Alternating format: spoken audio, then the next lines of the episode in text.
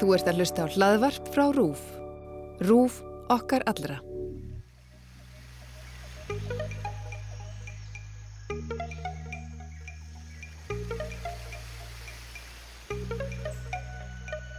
Pressan á það að hafa rétt, hafa þetta rétt hefur alltaf verið mjög mikil.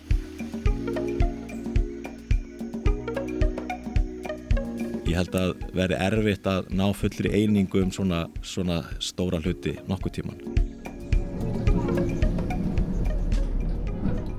Þetta er X22, ég heiti Yngvar Þór Björnsson.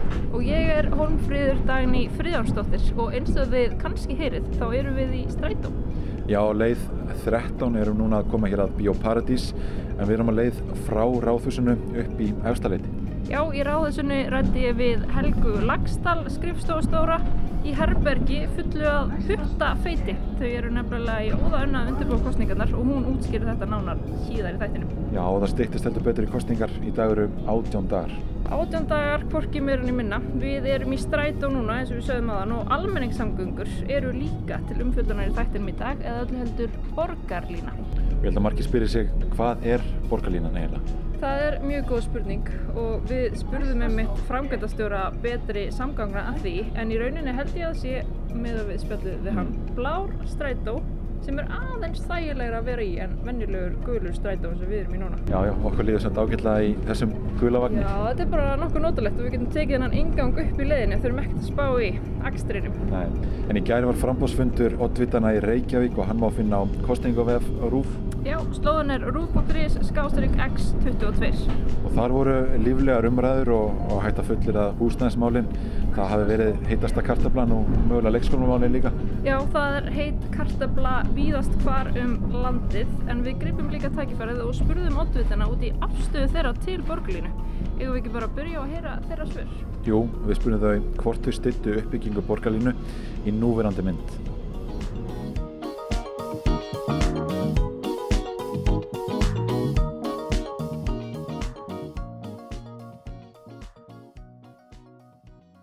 Já, ég heiti Dagur B. Eggersson og er í frambóði fyrir samfélkinguna. Og stiður þú uppbyggingu borgarlínu í núverandi mynd? Já. Bara stutt og laggott? Já, að til þess að umferðin gangi vel fyrir alla, þá þarf að ebla alminnisamgöngur. Dóra Björn Guðjónsdóttir, Píratar í Reykjavík. Stiður þú uppbyggingu borgarlínu í núverandi mynd?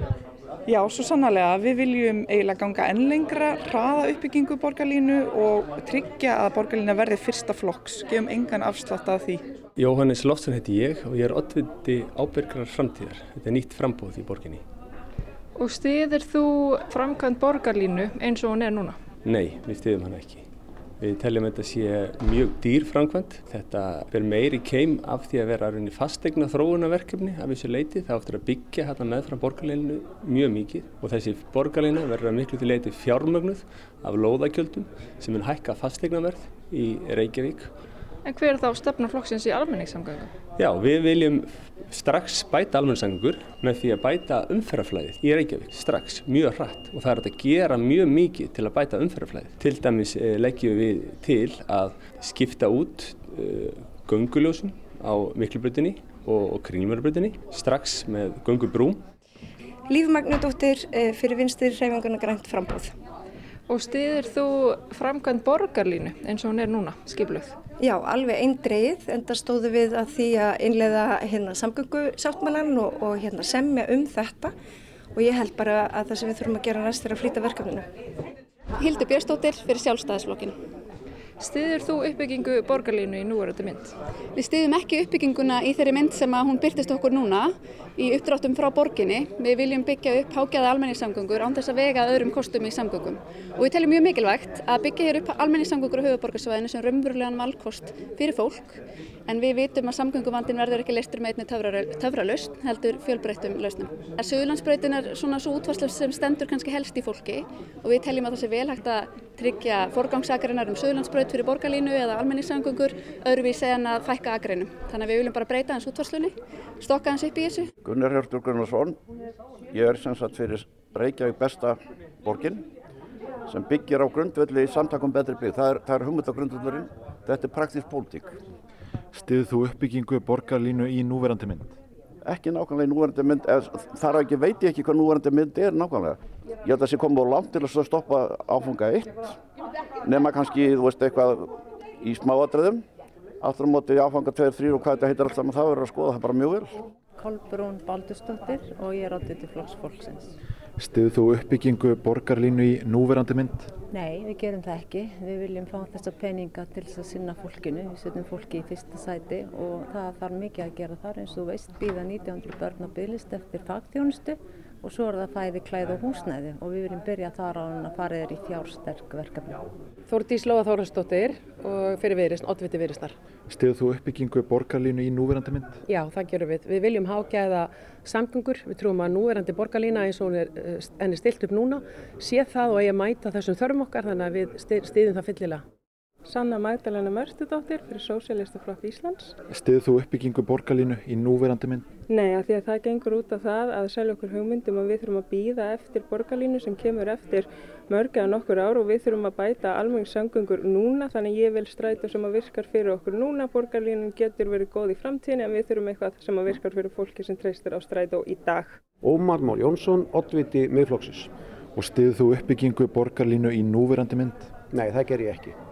Uh, borgarlína í núverandi mynd, hún mun ekki minka tafatíman í umferðinni, hún mun ekki auka umferð, umferðaröryggi og hún mun þrengja að enga á deilibílum og við viljum, ekki, við viljum samgöngu fyrir alla. Einar Þorstinsson, oddviti framsóknar í Reykjavík.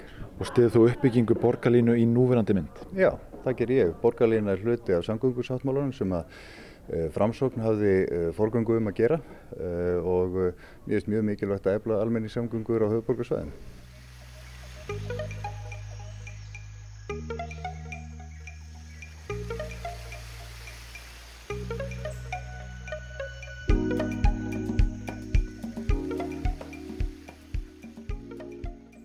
Davíð Þorlásson framkvæmdistjóri betri samgangna sem er ofinbært hlutafélag sem var stopnað af ríkun og sex sveitarfélagum á höfuborgarsvæðinu til þess að hrinda framkvæmdi við samgöngu sáttmála höfuborgarsvæðisins í framkvæmt.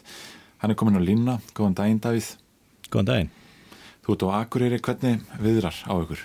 Það er alltaf gott viður á Akureyri eins og, og alþjóðu veit. Okkur langar að ræða borgarlínuna við þig sem er hittamál hérna á höfuborgarsvæðinu. Eh, Mm -hmm. Sko, ef við byrjum, hvað nákvæmlega er borgarlína? Eh, borgarlínan er sjálfsög nýtt tegund fyrir okkur íbúið höfuborgarsæðinsins, nýtt tegund almennsangöku kerfi. Eh, höfuborgarsæði hefur verið í miklum vexti og það er fyrir sjánlegt að það verði mikill vöxtur þar áfram. Raunar sjáu það bara verist vera að, að það er valla að húsnæðismarkaðin getur haldið yfir þennan vöxt og, og raunar samgöku kerfið valla heldur. Þannig við þurfum að hugsa þetta upp og nýtt og til þess höfum við þetta bara að leita fyrirmynda erlendis og það eru mjög margar borgir að svipari starf til dæmis á Norrlöndunum sem að hafa farið þessa leið að fjárfesta í uh, hraðvagnarkerfum þannig að við erum orðin það stór að þetta hefðbundna stræðarsvagnakerfi er ekki nóg fyrir okkur. Uh, það byggir á því að ná til sem flestra borgarbúa kalla þekjukerfi en þessi hraðvagnarkerfi sem eru þá bara á megin samgöngu ásum borgarinnar uh, þau kallast uh, hámars þáttökukerfi og snúa því að, að reyna að flytja sem flest fólk eftir þessum ásum. En þá er auðvitað líka mikilvægt að og gefst tækifæri fyrir sveitafélagin til þess að þjætta vel byggð nálagt borgarlínu stöðunum þannig að þetta í rauninni í stað þess að samgöngukerfi sé að uh, engöngu að elda eða reyna að elda skipilasmálinn þá er þetta í rauninni mun þetta móta höfuborgarsæðið Já, en er þetta ekki rauninni blár strætisvagn sem er á sér agrinn? Það maður segja það, þetta er, þetta er ekki all, þeir eru aðeins öðruvísi þessir vagnar. Uh, upplifun farþegans er kannski nærði að hann sé léttlest en fyrir rekstaraðalan þá er þetta bara hefðbundun stræt og jú á gumihólum, hann verður þetta uh, vistvæn, verður mun ekki ganga fyrir uh, jarðefna elstætti og svona, jú, þetta er aðeins tægilegri vagnar en vegum og lengri heldur við vegum að venjast núna í stæðinsanleikærunu en, en jú, jú, en heilt yfir, jú, þetta er, er þetta strætisvagn. Um, og þarf hann að stoppa á ljósum? Eh, hann á að á forgang á ljósum, þannig að þá þurfa ljósin að vera stjálstýrð og í, í honum er búnaður sem að, sem að gefur honum forgang uh, forgang á ljósum það sem að mm. það, það þarf. Og það er þá strætisvagnar bílstjóri sem keirir þennan vagn? Já, til að byrja með en, en framtíðin er, er vantilega svo að, að, hérna, að þetta verði sjálfkerrandi vagnar og það er vantilega stittra í það að þessi að vagnar eins og í þessum hraðvarnarkerfum eins og í borgarleginu verði sjálfkerrandi heldur en almennir bílar því að þeir eru jú á, á sér agreinum og, og því auðveldar að hafa þá sjálfkerrandi heldur en, en almenna bílaðanferð. Mm. En hvað eru við svona í, ferlinu? Það er búið, þeir eru í fyrsta áfangað eða ekki? Jú, það er raun, fyrsti áfangin er partur af samgöngusáttmálunum uh, og hann er til ásins 2034 svo skiptu við þessum fyrsta áfanga í sex lótur og fyrsta lótan er, er það sem hefur verið byrt hérna, frumdrög fyrir, þetta eru þessi þrjú hannunarstegi vega frangöndum, það eru frumdrög, fórhannun og verkhannun og frumdrögum er lokið og fórhannun í gangi fyrir þessa fyrstu lótu sem að mun ná frá ártursáðunum og niður á hlem þar að segja það er um, um Suðlandsbröð og svo uh, niður í bæ mun ná til uh, þessarar eiginlega þryggja stærstu vinnustada landsin sem eru þarna borga, eða hérna landsbytalansafsækið Háskólans í Reykjavík og hérna Háskóli Íslands uh, fer þess að það er um Vasmýrina yfir Nýja brú, Fósforsbrú uh, yfir í Kópavók á Kásnesið og mun enda þar í Hamarborg. Þetta er, þetta er fyrsta lótan uh, sem er svona verið að, að vinna núna. Mm. Þetta verðist ganga áskaplega hægt eða það raunin? Þetta mætti ganga hraðar og það áreinar satt að segja við um öll verkefni samgöngusáttmálans því að þetta er rauninni eitt púsla fjórum í samgöngusáttmálans sem við erum að vinna. Það er borgarlínan, svo er það stoppvega framkvæmdir svo er það göngu hjólastígar og svo er það svona ímislegt annað sem við köllum uh, aðgerðis stuð, stuðlað öryggi og flæði þar á meðal uh, ljósastýring en jú, ég verði að segja það við hérna, tókum til starfa fyrir einu og halvori síðan og þetta hefur ekki gengið eins hratt og við hefum viljað. En við erum að leita leiða til þess að, að tryggja að það verði sem allra minnsta tafir og við lítum á það sem okkar megin verkefni að tryggja að, að bæði kostnara áallanir standist og, og líka tíma áallanir En hver, hver er svona útskýringin á því fyrir ekki að, að þetta gengur ekki að pratt og þið hefðu viljað? Uh, ég held uh, í rauninni að þegar að uh, samgöngusáttmæli var undirritað 2019 það hafi menn fólk kannski verið full bjarsint varandi þessar tíma áallanir þannig ég rauninni held ég að þær áallanir hafi verið órunhafar við sjáum það til dæmis með á síðasta ári átt að vera búið að klára meðsla gatnamót á mótum bústaðavegar og reykjarnarsveitar eh, það er í rauninni ekki fyrir núna eh, á þessu ári, á næstu mánuðum sem við getum farið að kynna útfæslur af því, þetta eru þetta öll þessi verkefni eru að vinna í, í góðu samstarfi við, við vegagerðina. Eh, ég held í rauninni ef, maður skoða bara það dæmi að það var gert ráðferðið í að það ætti að vera búið að framkoma þetta frá 2019 til 2021 það eru, það eru tvö ár. Því í rauninni lág ekki fyrir útværsla, það lág ekki fyrir umhverfismat sem að bara það tekur 1,5 til 2 ár, svo framkvæmdinnar önnur 2 ár. Ég held að það þarf ekkert mjög mikla yfirlegu til að sjá það að, að, að eimsuleiti voru þessar áallanir ekki raunhafar. Hmm. En finnst þetta ganga ná rætt? Við erum auðvitað að vanda okkur, við erum að byggja hérna upp innviði sem er eftir að eh, vera með okkur í ára tíi Uh, auðvitað er það þannig með alla góða hluti að maður vil helst fá þá strax í dag en þegar borgarlínur annars vegar þá þarf að gera tvær brýr yfir Fossvógin, yfir Ellavógin það eru uh, stokkar, mikla braut fyrir stokk og sæbraut þannig að umferðin verður neðagerðar en mannlíf og alls konar skemmtilegt á yfirborði og þessi hlutar taka tíma í undirbúningi. Við þurfum líka að leysa umferðin á meðan á framkvæmdanum stendur eh, en núna erum við eh, komin það nálat þessu að fyrstu framkvæmdir hefjast eh, ég vil í lók þess ás, allavega á næst ári. Kostningarna snúast meðal annars um það að þetta gangi hratt og vel og það sé fullur stuðningu við þetta innan borgarstöðnar. Þú talar um frum, hönnun og, og verkstig og, og það kannski gerir lítið fyrir þá sem eigða allt um miklum tíma í strætó. Hvenar fer fyrst í vagnin? Eh, nú, sagt, nú gildur þetta áallunum er það í uh, fyrst í borgarlínu vagnin eh, í fyrsta lagi árið 2025. Það er verið að endur skoða allar tíma áallarinn núna. Uh, þannig að við sjáum til hvað kemur út í því en hins vegar uh, mun verður þetta ekki svo að, að þetta eru, eru margar framkvæmdir, þetta er ekki ein framkvæmd þessi fyrsta lóta borgarlírunar, þetta, þetta eru margar framkvæmdir eftir endur langri leiðiri og um leið og hver framkvæmdi búin þá mun hún strax nýtast uh, strætó uh, gangandi og hjólandi. Og kannski best að dæmið það er fósósbrúin sem að er svona tiltölulega ja, auðveld framkvæmda því leiti að þar eru við ekki að tæfa neitt fyrir umferðu það er engin, við erum ekki að þvælast fyrir neinum og það er engin að þvælast fyrir okkur þar.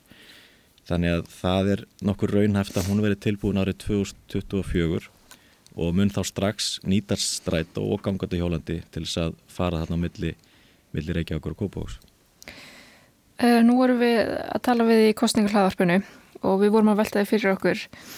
Eftir kostningar, ef eftir kostningar tekum við nýr meilhuti til starfa sem vil breyta borgarlínunni eða jafnvel hætta við hana, er það hægt? Já, þetta er uh, það bara líðræðslega vilji kjósenda sem, a, sem að ræður. Uh, Reykjavík er þetta ekki eitt uh, ein í þessu, þetta eru eins og þið nefnduður endar í upphafi hinn fimm sveitafélaginu á höfbruksvæðinu og svo ríkið sem eru saman um þetta.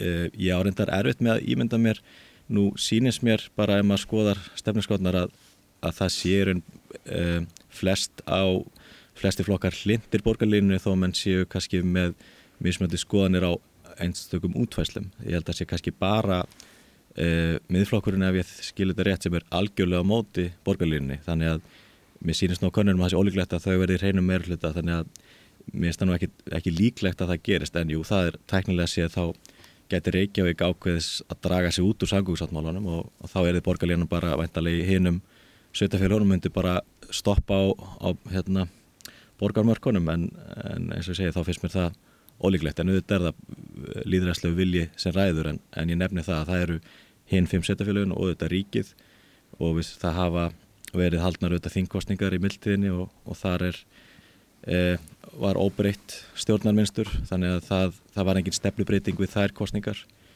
e, en ég var erfitt með að sjá hvaða svona meiruluta mynstur myndi leiða til einhverjar e, verulegar breytingar þó að það sé mjög eðlilegt þetta, að á þessu tímanbili, þessu 15 ára tímanbili sem samgöngarsamtalið gildir að þá verður gerað einhverju breytingar. Og við erum að líta þetta til fyrirmynd á Norrlundunum þetta, e, þetta er í Noregi sem að menn byrjuð að gera svona samgöngarsamtala á á nýjönda áratögnum og þar hafa minn endur skoðað á reglulega og það er bara sjálfsagt að gera það í samræmi við bara breyttar áherslur uh, og hérna líðræðslegan vilja. En að vísu hefur að verið þannig að alltaf þegar að til dæmis í Oslo þegar að menn hafa endur skoðað samgöngusáttmálana þar og gert nýja sáttmála það hafa menn sett meira púður í alveg samgöngur það hefur aldrei gæst að menn hafi dreyið úr áherslum á alveg samgöngur og það er þróunin í Nóri, öllum borgum Nóri og heila öllum borgum í Európu og reyndar meira að segja mörgum borgum í bandaríkanum líka. Mm -hmm. En einhverju hafa bent á það að kostnæðinu séu mikill og ávinningurinn of lítill við þessa framkvæmt. Hver er kostnæðurinn á þessu stígi við þessar framkvæmtir og hver er þið heildar kostnæður? Uh, Samgöngusáttmálinn gerir að fyrir því að setja um 50 miljardar í, í borgarlínuna, það er, að segja innviðina Uh, síðan er það, er það reksturinn sem er ekki á okkar könnu og verður vantarlega á könnu strætó. Uh, áallanir hafa sínt að það séum að aukinn kostnæður við bæði nýtt leðakerfi og borgarlínuna séum 1,5 miljóður á ári. Þannig þetta eru svona tölunar. Það hefur verið gerð félagsstafræðileg greining á fyrstu lótunni og hún sýnir það að það er mjög mikill ávinningur af þessu og það er notuð sama aðferðfræði og gerð e, fyrir vegafrængvættir eins og sundirbrautina til dæmis. Og það er til dæmis komir óvart þegar að fólk hefur e, maður hefur séð dæmi um, um fólk sem að e, trúir alls ekki félagsafræðilegu reyningunni vegna borgarlínunar en, en finnst að vera hrein snild þegar það kemur á sundirbrautinni þó að þetta sé nákvæmlega sama. E, þetta er evrósk alþjóðlega viðkend aðferðarfræði sem er nótið þarna þannig að það, þetta er rauninni þannig það, verður, það er dýrara fyrir okkur sem samfélag að fara ekki í borgarlínuna heldur en að fara í hana. Við myndum þurfa að eða miklu meiri pening í stópiðafrangvættir og erum þó að fara að verja meiri peningum í stópiðafrangvættir uh, eh, heldur en heldur í borgarlínuna. Það þurfti enn meiri peningi þær frangvættir og þær myndu, held, myndu ekki skila sama ávinningi í því að draga úr umferðartöfum eins og við þurfum svo sannlega að halda á höfuborgarsvæðinu. En eins og sagðir áðan, þá eru skiptar skoðanir á útfærslinni og svona líðræðislegur vilji fólk sem ræður. Það er talsverður munur eftir hverfum hvort fólk er fylgjandi borgarlínu í þeirri mynd sem hún er í núna. Nýjasta kunnun sem ég fann var að fólk svona í efri byggðum væri minna hlind borgarlínu. Af hverju heldur það sé? Er leiðarkerfi borgarlínu eins og það er sett upp núna ekki að virka fyrir fólki í efri byggðum? Uh, einmitt, þetta er alveg rétt uh, þetta kemur svolítið óvart því að í rauninni mun, mun borgarlíðan nýtast betur þeim sem er í, í útkverfum og austan ellega rána og í, í nákvæmlega sveitafélagum Reykjavíkur meira heldur en þeim sem búa meðsvæðis þannig að það er erfitt að átta sig á því af hverju þetta er. En þetta er, þetta er nákvæmlega sama staðan í, ef maður skoður sambarlega kannanir á Norrlundum þá, þá er þetta uh, staðan. Um, hins vegar uh, hef ég fulla trú að því að þetta er auðvitað e, eitthvað sem er nýtt fyrir fólki. Og ég held að það sé órunhæft að ætlast til þess að svona stórar uh, framkvæmdir sem að auðvitað já, kosta mikið en munu auðvitað skilja miklu árangur en eru nýjar fyrir fólki að ég held að veri erfitt að ná fullri einingu um svona, svona stóra hluti nokkuð tíman Uh, auðvitað reynum við að ná sem viðtakast til sátt en, en það verður aldrei full eining um þetta en ég hef full að trúa því að þegar þetta er komið þegar fyrsta lótan er, er tilbúin þetta er bara byrjað að virka og fólk er farið að sjá árangurinn að þá hef ég engar ágjör af því að öðru en að, að hérna, þessi anstæði muni hverfa mjög fljótt mm. En þegar við hugsaum okkur vakt sem er að fara úr e- efri byggðum misaði sér Reykjavík eh, verður þá ráðist í það að eh, ég búið til nýjar agrinar fyrir eh, borgarlínu eða verða einhverjar akrinar teknar undir borgarlínu?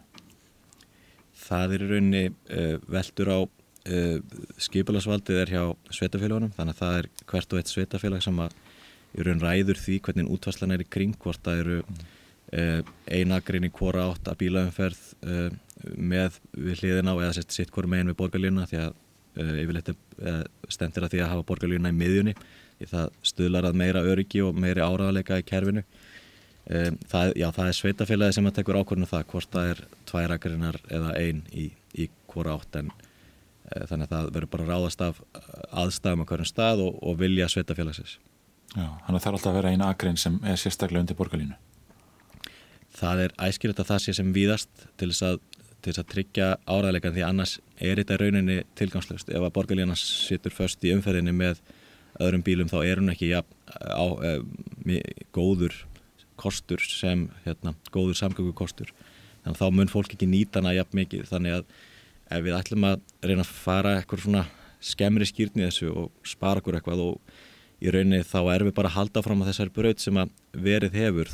Það hefur verið settur, já Ríki hefur sett tæplega miljard árin á síðustu árum í aukalega í strætó. Þar sem við hefum haldið bara í þetta hefðbundna kerfi. En hins vegar hefur verið bætt við uh, sérækjörnum í kanti sumstar eins og fólk þekkir til dæmis á, á miklu breytinni.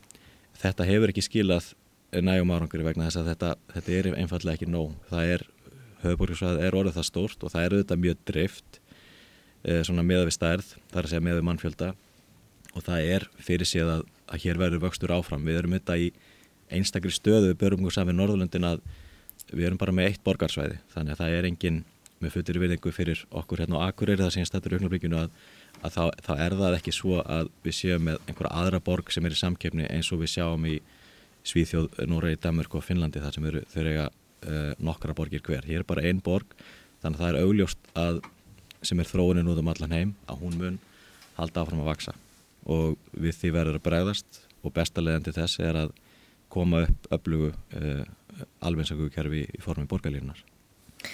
Um, kannski örstuðt í lókin, það eru tölur frá strætó sína það, það eru færri og færri sem taka strætó. Uh, af hverju ætti fólk að velja borgarlínu en uh, í staðan fyrir en hefbundna gula strætó?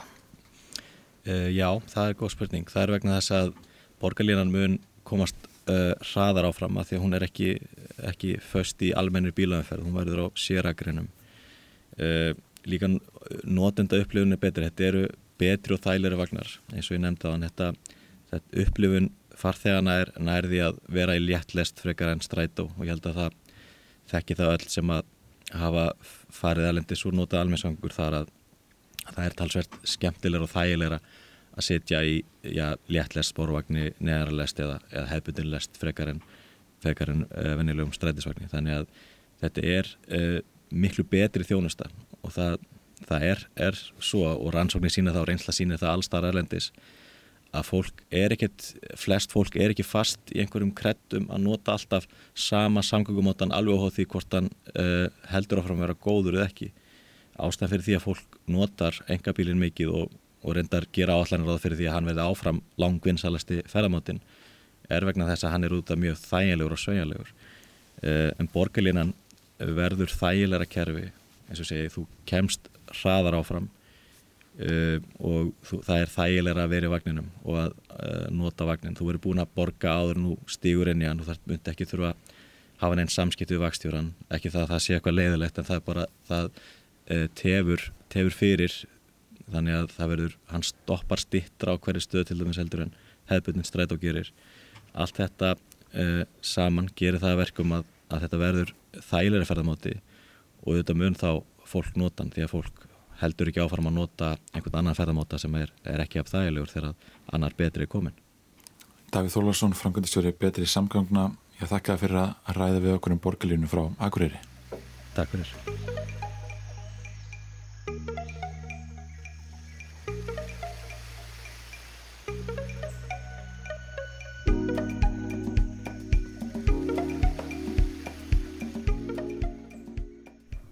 Erum við komin í Ráðhús Reykjavíkur þar sem við ætlum að ræða við Helgu Björk Lagstall, skrifstofu stjóra, skrifstofu borgarstjórnar, er það ekki rétt? Jú. E, þú ert allt í öllu í kostningaundubúningum, það ekki? Hvernig gengur?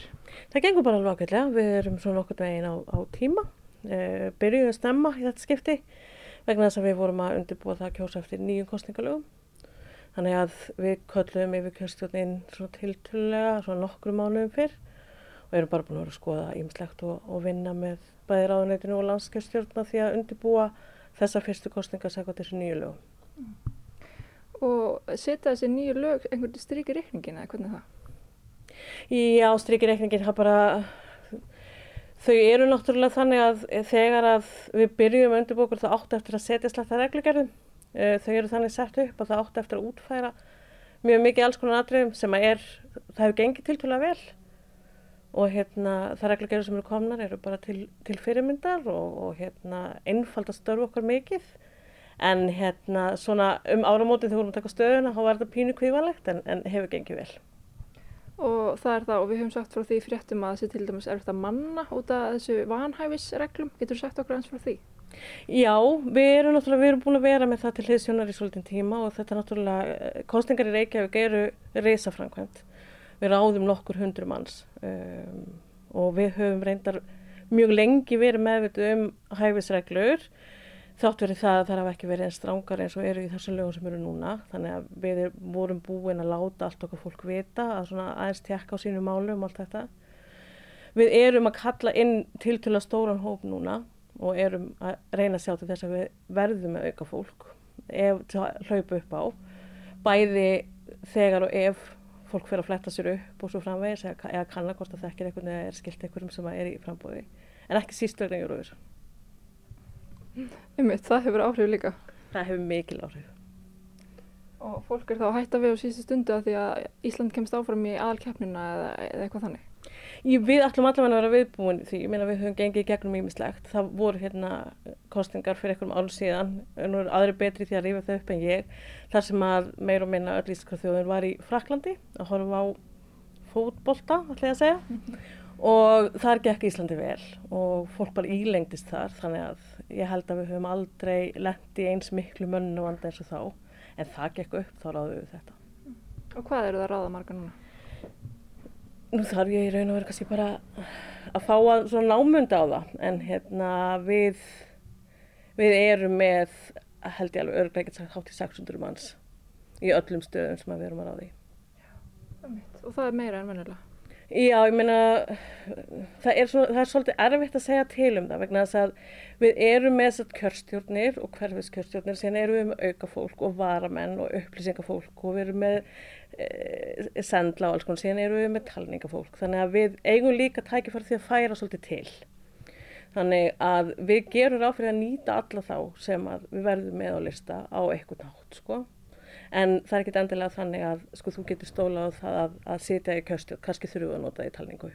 Mm. En jú, við gerum það fyrir því að nýta meira og minna alla þá sem við erum að lista núna. Þegar þú minnist á talningu þá var það ég fóð að spyrja, þótt að það sé kannski ekki alveg komið á reynd, en talið þið að nýju kostningulegin muni tefja fyrir talningu á einhvern nátt? Nei, ég sé ekki að nýju kostningulegin muni tefja fyrir talningu í Reykjavík vegna þess að uh, það sem að kemur fram mér í nýri reglugjörð umtalningu sem var hann sett núna eftir síðust alþekkiskostingar og í, í, í, hérna, með stóði í nýju lögunum. Þar er í raun og veru, sko í henni er í raun og veru bara kortlögð aðferðin sem við höfum notað í Reykjavík og okkur gekk lítum mjög vel í síðustu alþekkiskostingum að talja. Við erum eina sveitafélagið sem hefur, sko við höfum streymt beint frá talningunni Þannig að við tókum ákvörðun um það í raun og strax að síðustu alþekkiskostingar eftir það sem kom upp þá. Eða staðan fyrir að slökk á streyminu þá ætlum við bara að láta það ganga eftir að við innsiklum og klárum og förum. Það er bara svona lítil breyting sem getur skipt máli. En nei, við höldum bara okkar streiki, okkar talning núna verður alveg með næstu því með sama sniði og, og í síðustu alþekkiskostingum. Mm. Og við gerum það ráð fyrir því að halda svipaðan tíma þráttur í það við séum með náttúrulega alla reykjaugundi núna, við vorum með skipt í tvent síðast þess að í alþjóðskostingunum mm. og þá erum við að gera ráð fyrir því að geta mögulega byrt sko fyrstu tölur bara í kringum meðnætti og að klára svona fjögur, hálf fimm mm.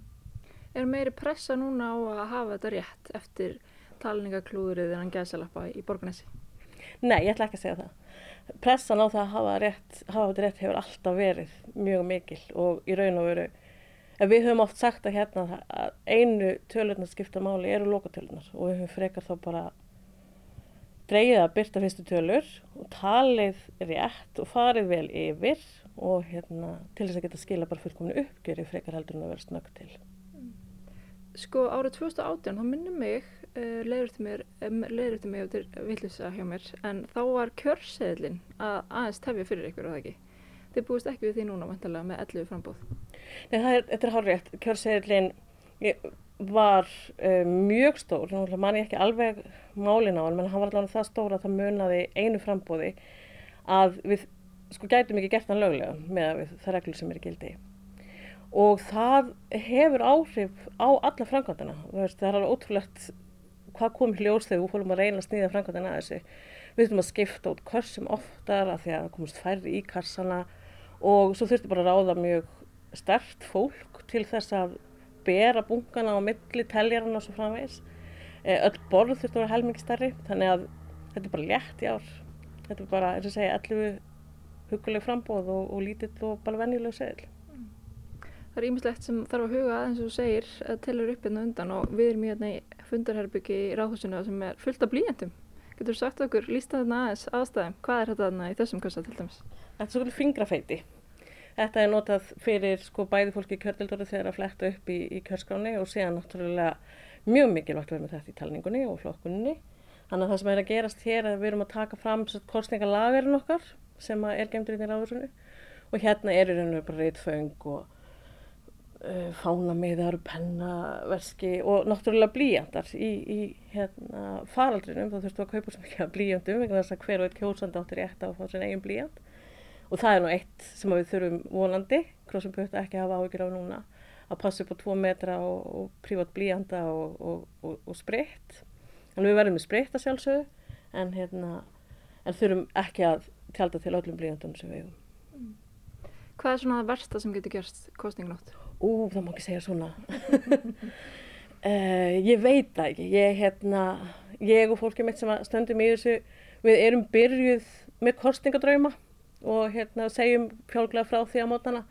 Mig dreymdi einu sinni nokkru dögum fyrir kjörta að ég hef glemt að láta sækja kjörkassarna og við volum alltaf mætt hérna upp að kjörta þú voru engi kjörkassar. Og það eru alls konar, alls konar svona, ég veit ekki, ég ætla ekki að jinxa með að segja segja eitt eða neitt en hérna Já, nei, ég, ég get ekki, ef ég byrja að búið til eitthvað scenari að segja er eitthvað hægilega sem getur gerst, þá mun mér dreymum um það í 19 dagi viðbútt, þannig að ég ætla, ég ætla að fá að sleppa því. Þannig að það komin svona kostningafyringur í ykkur? Mjög mikil, mjög mikil. Og svo náttúrulega líka við náttúrulega vinnum hérna í ráðursunu og, starfum með borgastjórn, af því að þetta er tvöföld tilhlökkun, við náttúrulega líka að fá nýja samstarfsfélaga og, hérna, og, og nýja borgastjórn, þannig að þetta er, þetta er sko tvöfald átak en tvöfald skemmt er líka náttúrulega svolítið. Mm. Þetta er spennandi. Takk fyrir að spjalla við okkur í kostningarhlaðarpi Rúf, Helga. Takk fyrir mig.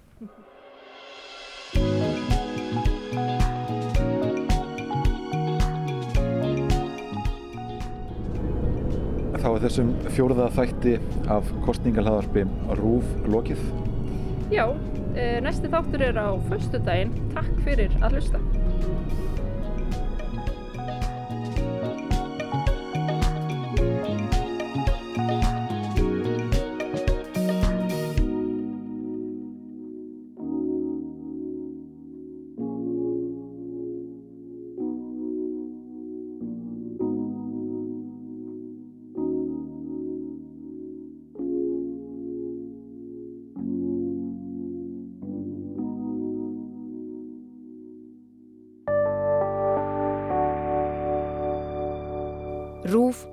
Okkar allra.